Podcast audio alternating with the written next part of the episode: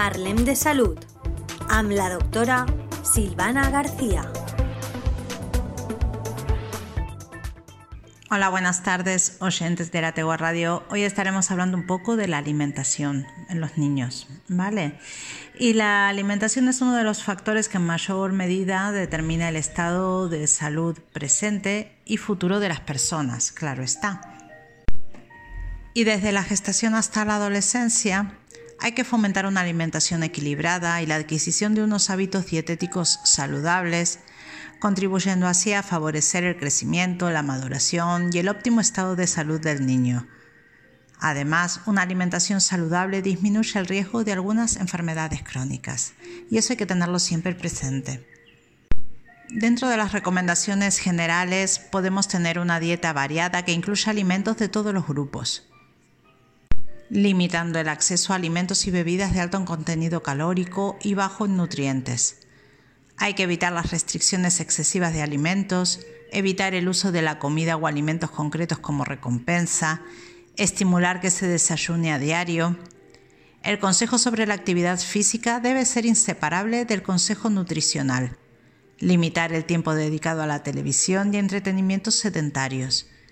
Es importante favorecer desde edad temprana que los niños puedan seguir el dictado de los mecanismos que regulan el apetito y la saciedad, para evitar en lo posible la sobrealimentación y prevenir la obesidad. Existe también una correlación entre la frecuencia de exposición a los alimentos y las preferencias. Evitar la monotonía presentando de forma atractiva los alimentos y no forzar a comer ni castigar al niño porque puede favorecer el desarrollo de conductas negativas. Y obviamente hay que intentar evitar las comidas viendo la televisión. Luego también de forma específica hay que intentar disminuir las grasas por disminuir el riesgo cardiovascular y de obesidad.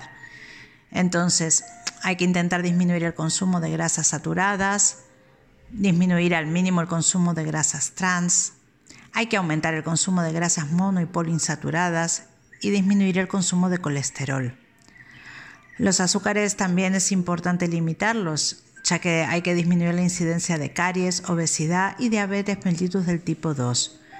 Esto lo haremos limitando la ingesta de sacarosa, limitando el consumo de zumos envasados y refrescos a menos de una ración al día.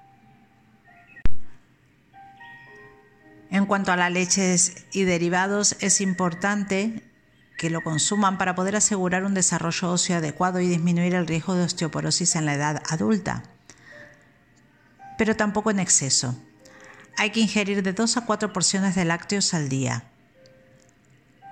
Y si se asocian a factores de riesgo cardiovascular u obesidad, hay que optar por productos de bajo contenido en grasa. Fibra dietética. También hay que incluirla para poder prevenir la obesidad y algunos tipos de cáncer. Hay que consumir varias veces al día alimentos y vegetales, frutas, hortalizas, verduras, legumbres, preferiblemente en todas las comidas. Se pueden tener también otras consideraciones en cuenta, como estimular el consumo de agua sobre otras bebidas o refrescos, ya que habría que evitarlos.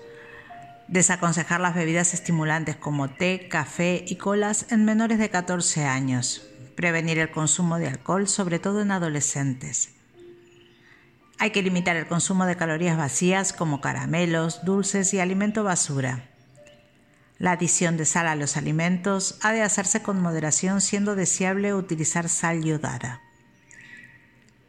Y como siempre hay que intentar promocionar la dieta mediterránea, potenciando el consumo de frutas, verduras, pescado, cereales, legumbres, moderando el consumo de carne, sobre todo la carne vacuna y la procesada, y utilizar el aceite de oliva. Hay una campaña muy curiosa que se llama 5 al día y expresa el número de porciones de frutas y verduras que hay que tomar. En principio, el equilibrio de los principios inmediatos en la dieta son hidratos de carbono de un 50 a un 60%, grasas de un 30 a un 35% y proteínas de un 12 al 15%. Los minerales y vitaminas son muy importantes y se cubren si se realiza una alimentación variada y equilibrada con una elevada presencia de frutas y verduras. No se olviden que en la adolescencia es de especial importancia la necesidad de hierro, calcio y zinc, ya que no se suelen cubrir con la dieta. Si queréis profundizar un poquito más, los invito también a, leer el libro que he escrito. Se llama Ser buenos padres también se aprende y allí estructurado por, por edades tienen la cantidad de alimentación que la calidad de alimentación que tendría que tener cada, cada niño. Nada, muchas gracias por estar y por compartir.